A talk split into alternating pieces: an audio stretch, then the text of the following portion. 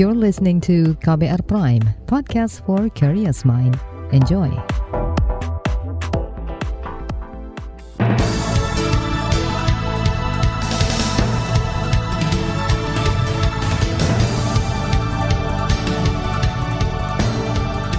Selamat pagi saudara, senang sekali kami bisa menjumpai Anda kembali melalui program Buletin Pagi, edisi Kamis 11 Agustus 2022. Bersama saya, Naomi Liandra. Sejumlah informasi pilihan telah kami siapkan, di antaranya pasokan batubara seret krisis listrik kembali mengancam, Komnas HAM uji balistik kasus pembunuhan Brigadir J. Satu suspek cacar monyet kembali ditemukan di Banten. Inilah Buletin Pagi selengkapnya terbaru di Buletin Pagi.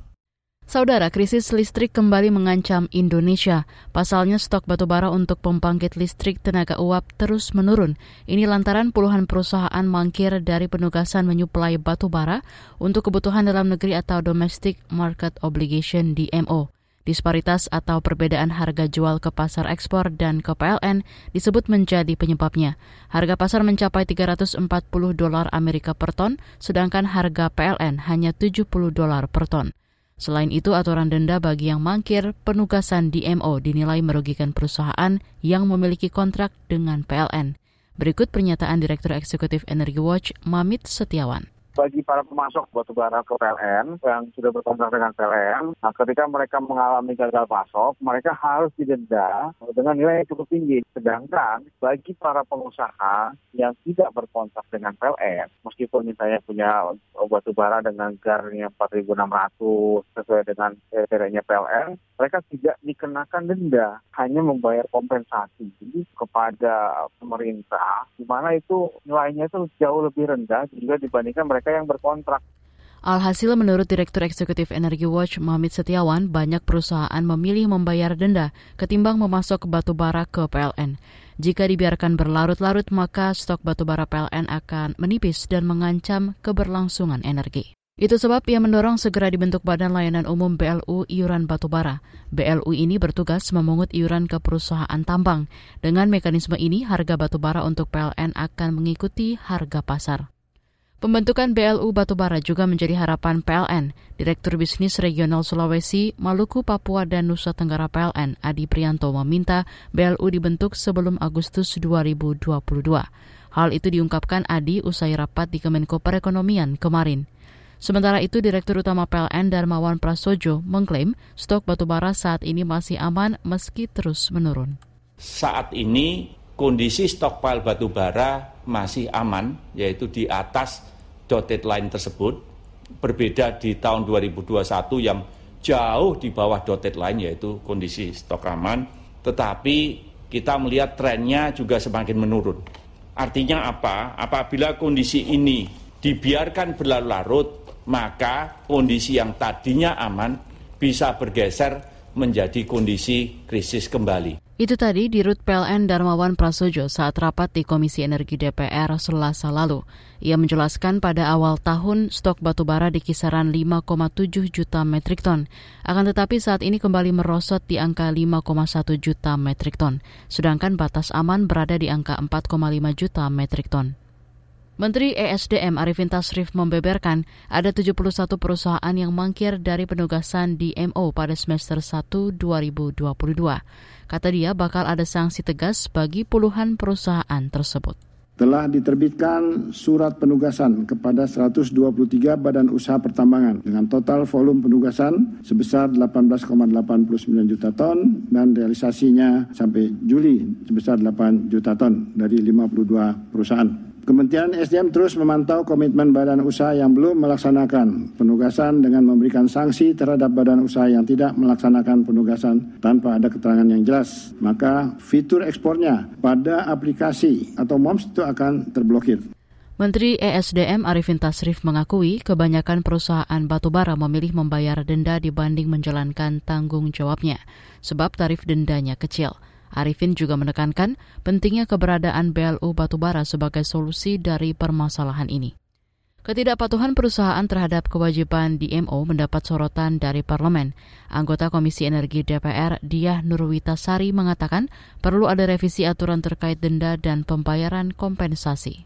perusahaan-perusahaan yang tidak memenuhi kewajiban ini cenderung memilih bayar kompensasinya gitu ya atau bayar dendanya daripada memenuhi kebijakan. Artinya di sini kita harus tinjau ulang terkait dengan kompensasi tersebut gitu. Ada hal yang harus direview kembali. Kenapa orang cenderung memilih bayar kompensasi atau denda daripada memenuhi kewajiban? Tentunya berarti ini menunjukkan kebijakannya ada yang salah gitu ya. Komisi Energi DPR dari fraksi PKS Diah Nurwitasari meminta data-data perusahaan yang mangkir menjalankan tugas. Perusahaan tersebut harus terus diawasi dan dicek status sanksinya. Sementara itu pembentukan BLU Batubara turut didukung kalangan pengusaha. Direktur Eksekutif Asosiasi Pertambangan Batubara Indonesia APBI, Hendra Sinadia, mengatakan BLU bisa jadi solusi.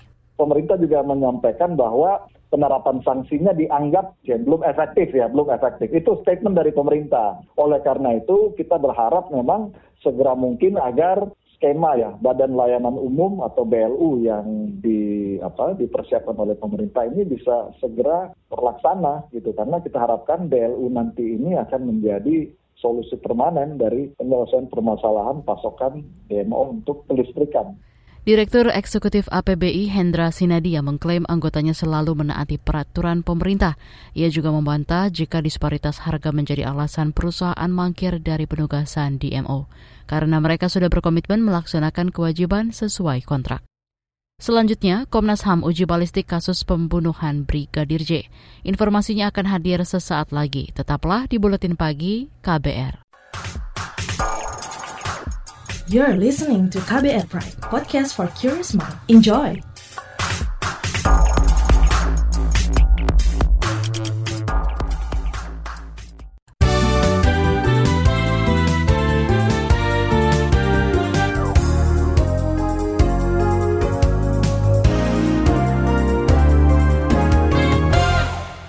Anda sedang mendengarkan buletin pagi KBR. Saudara, Komnas HAM melanjutkan pemeriksaan uji balistik kasus pembunuhan Brigadir Yosua Huta Barat atau Brigadir J.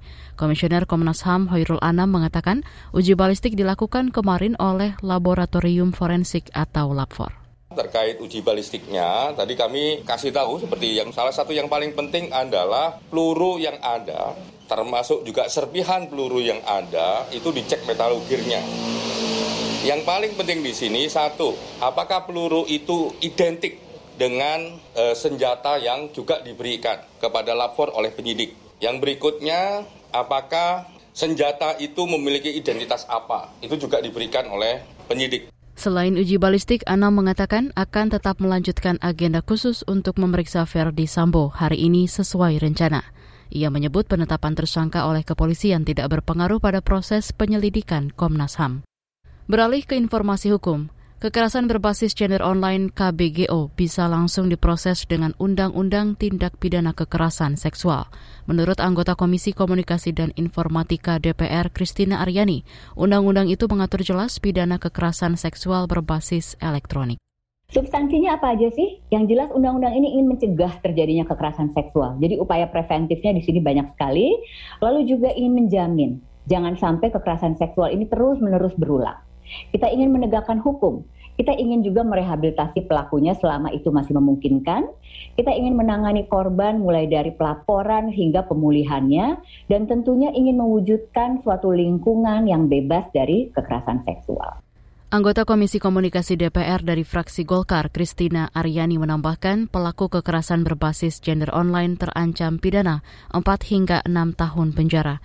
Adapun dampaknya bagi korban meliputi gangguan mental, perasaan tidak aman hingga menimbulkan persoalan dengan teman atau keluarga. Kita ke soal lain. Ekonom Kor Yusuf Rendi menyatakan besar kecilnya utang negara tak bisa hanya dilihat dari rasionya terhadap produk domestik bruto PDB.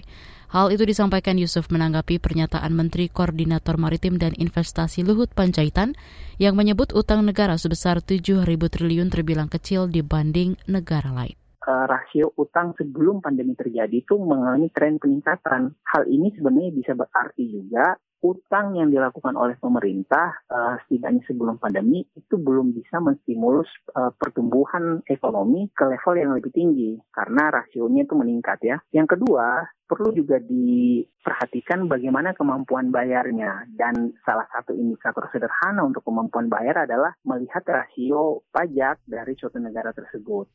Ekonom Kor Yusuf Rendi menambahkan, rasio pajak Indonesia terhadap PDB relatif lebih rendah dibanding negara dengan rasio utang lebih tinggi, seperti Malaysia, Jepang, dan Amerika Serikat. Kita ke informasi pemilu. Kabar pemilu. Kabar pemilu.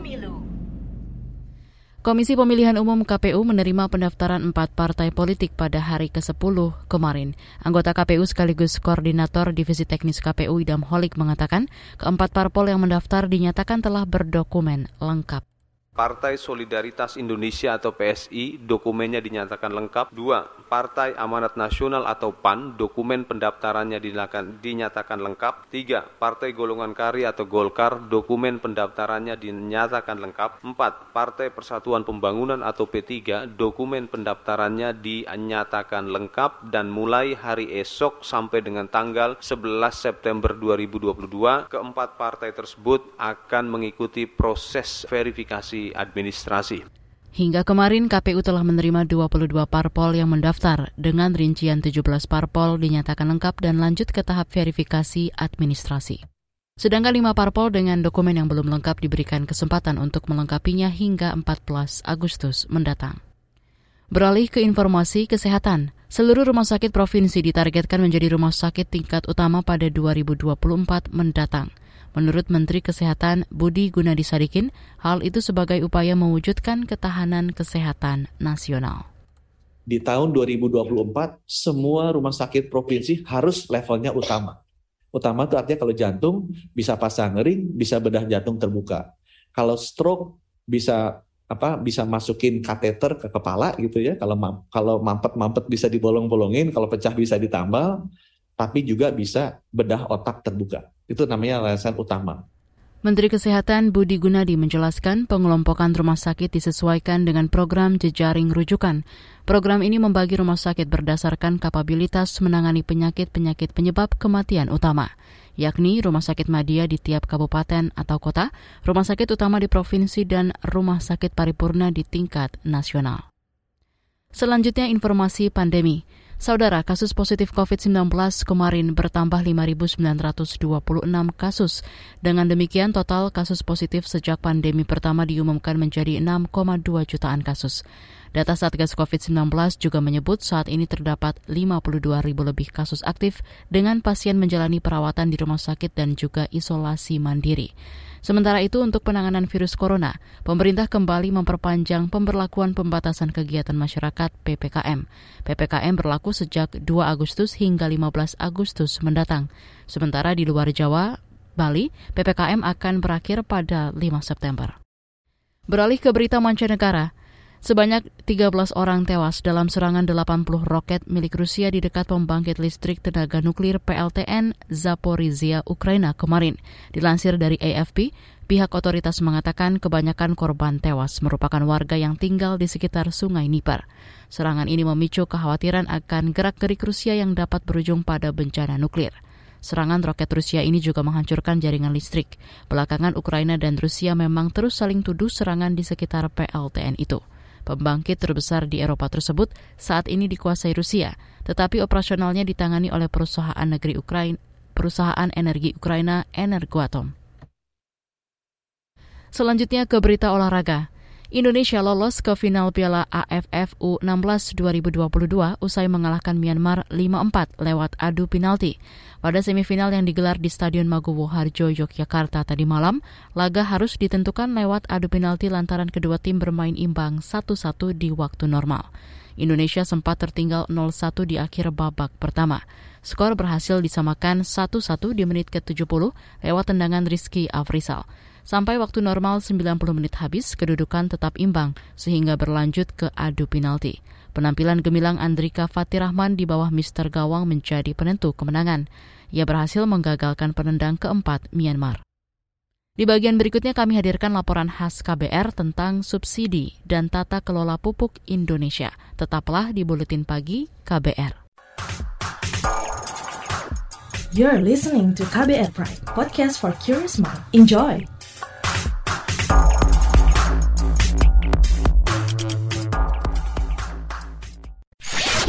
Commercial break.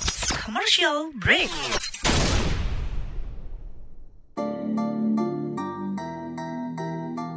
Come on yo, buat yang sukanya berhoax, you better listen to this one. Check this one out yo. Hati-hati kalau baca kabar hoax, jangan langsung disebar kabar yang hoax. Kalau mau tahu kabar benar atau hoax, dengerin cek fakta yang pasti bukan hoax. Dengerinnya setiap Senin yang jelas bukan hoax. Cuma ada di kbrprime.id dan aplikasi podcast lainnya. Hoax. Sudah cukup-cukup hoaxnya? Hoax. Cukup. Jaga emosi, tahan jari, verifikasi sebelum dibagi. Saya Ari Bowo Sasmito, Ketua Komite Pemeriksa Fakta Mafindo. KBR Prime, podcast for curious mind.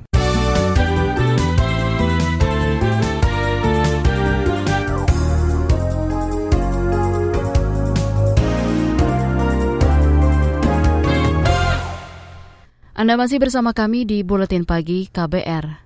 Mulai Juli lalu, pemerintah membatasi alokasi pupuk bersubsidi hanya untuk 9 komoditas utama dan hanya dua jenis pupuk yang disubsidi yakni urea dan NPK. Hal ini meresahkan petani, terutama mereka yang tidak termasuk dalam 9 komoditas utama yang mendap mendapatkan subsidi. Pemerintah diminta memperbaiki tata kelola pupuk. Simak laporan khas KBR disusun Astri Yuwanasari. Sebenarnya petani bisa dikatakan siap nggak siap dengan keadaan sekarang gitu kan. Tapi yang kami harapkan kepada pemerintah adalah bagaimana pemerintah bisa menjamin harga eceran tertinggi. Artinya petani nggak akan ragu untuk beli pupuk non subsidi. Saudara itu tadi Ari Yansah, seorang petani singkong di Lampung. Ari mengeluhkan aturan pembatasan pupuk subsidi dari pemerintah. Komoditas singkong yang ia tanam tidak termasuk dalam sembilan komoditas utama yang bisa mendapatkan pupuk bersubsidi. Pada pertengahan Juli lalu, pemerintah melalui Menteri Pertanian mengeluarkan kebijakan memangkas jumlah komoditas yang mendapat subsidi pupuk dari 70 komoditas menjadi hanya 9 komoditas utama. Komoditas yang mendapat subsidi pupuk adalah padi, jagung, kedelai, cabai, bawang merah, dan bawang putih, tebu rakyat, kakao, dan kopi. Sedangkan jenis pupuk yang disubsidi dari tujuh jenis dikurangi menjadi dua jenis yaitu urea dan NPK. Kebijakan ini menuai kritik dari DPR. Anggota Komisi Pertanian DPR RI, Andi Akmal Pasludin mendesak pemerintah mengevaluasi kebijakan itu. Ia berharap kebijakan ini bisa disempurnakan dan distribusi pupuk tepat sasaran dan dapat dinikmati oleh petani kecil. Andi Akmal juga mendorong pendataan ulang data penerima pupuk subsidi agar lebih valid dan akurat. Yang jelas bahwa pupuk subsidi itu jangan kurang. Yang kedua, di, pada saat dibutuhkan ada barangnya di masyarakat.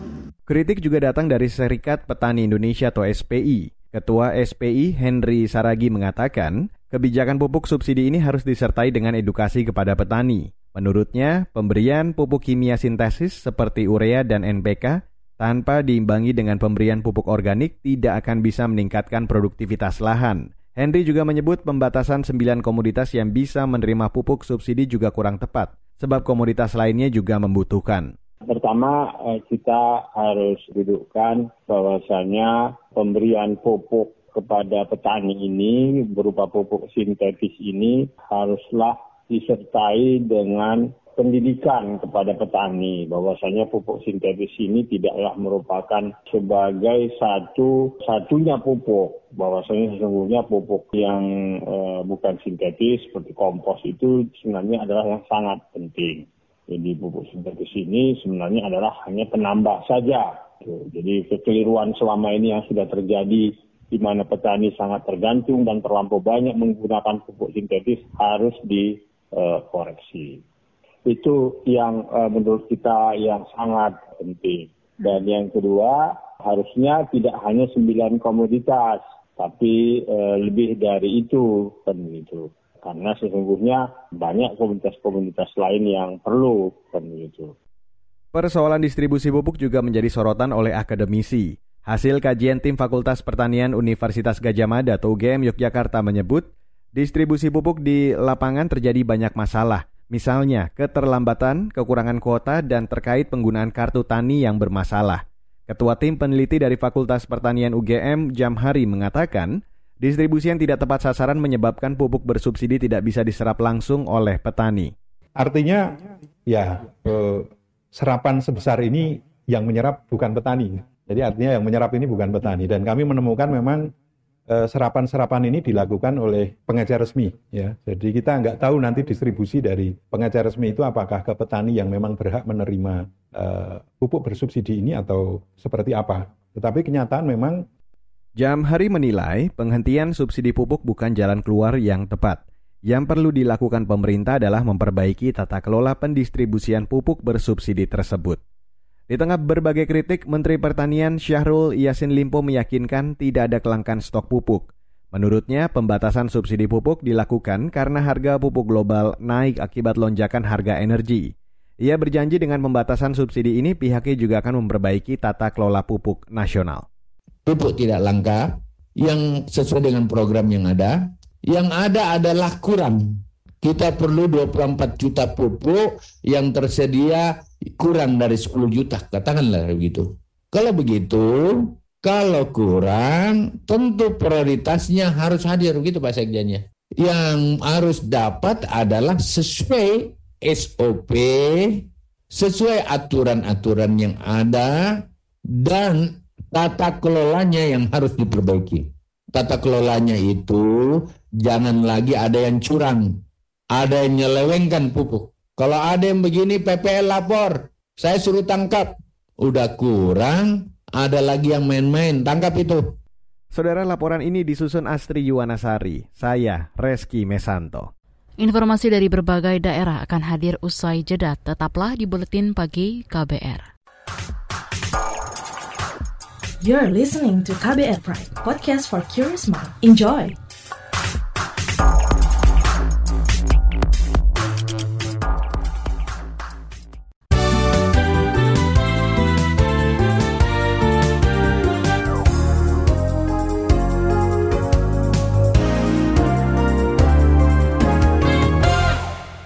Inilah bagian akhir buletin KBR. Inflasi pangan di Jawa Timur mesti dijaga agar kondisi ekonomi nasional terkendali. Pasalnya Jawa Timur adalah lumbung dan sumber pangan pertama masyarakat Indonesia bagian timur. Hal itu diungkapkan Gubernur Jawa Timur Hovifa Indar Parawansa dalam acara kick-off Gerakan Pengendalian Inflasi Pangan kemarin. Izin Pak Gubernur BI, saya sering kali menyampaikan bahwa untuk produktivitas uh, sektor pertanian kita kita tidak bisa hanya mikir Jawa Timur, 16 provinsi di Indonesia Timur, hampir 80 persen disuplai dari Jawa Timur. Dan ini kami sering menyampaikan kepada Pak Menteri Pertanian pun juga kami menyampaikan karena dari 32 rute tol laut, 27 dari Surabaya. Sehingga persoalan daging, termasuk daging ayam, kemudian telur itu menjadi penting karena ini resonansinya di 16 provinsi Indonesia Timur di luar Sulsel. Gubernur Jawa Timur Kofifah Indar Parawansa merekomendasikan strategi 4K, yakni keterjangkauan harga, ketersediaan pasokan, kelancaran distribusi, dan komunikasi efektif untuk menjaga inflasi. Di samping itu, kolaborasi pemerintah pusat dan daerah mesti diperkuat. Kita ke Jawa Tengah.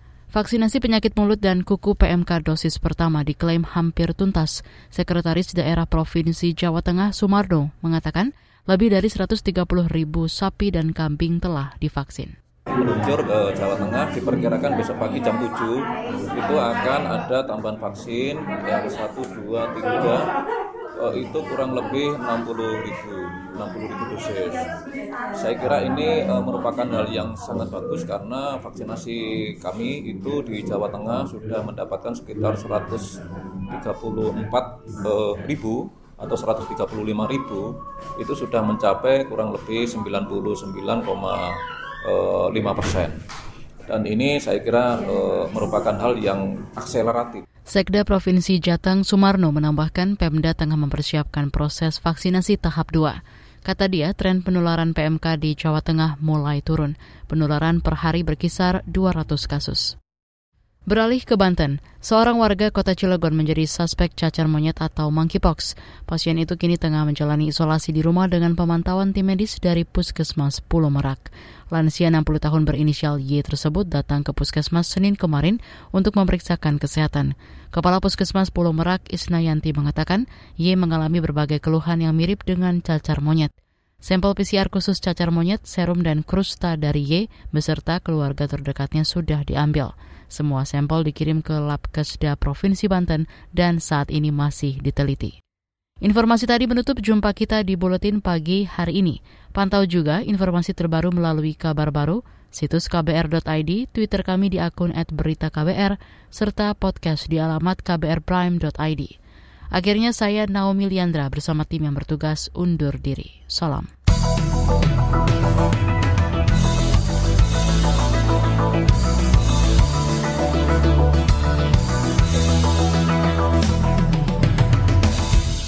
KBR Prime, cara asik mendengar berita.